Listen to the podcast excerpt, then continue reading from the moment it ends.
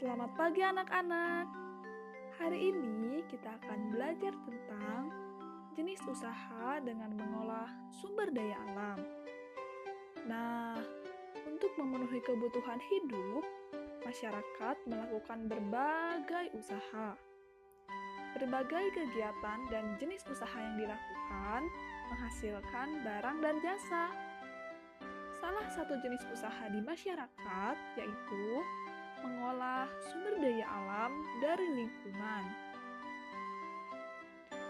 Kita mengenal berbagai bentuk kegiatan manusia dalam mengolah sumber daya alam untuk mencukupi kebutuhan hidup. Jenis usaha bidang produksi yang bergerak dalam pengolahan sumber daya alam disebut usaha agraris. Jenis usaha yang termasuk bidang agraris atau pertanian dalam arti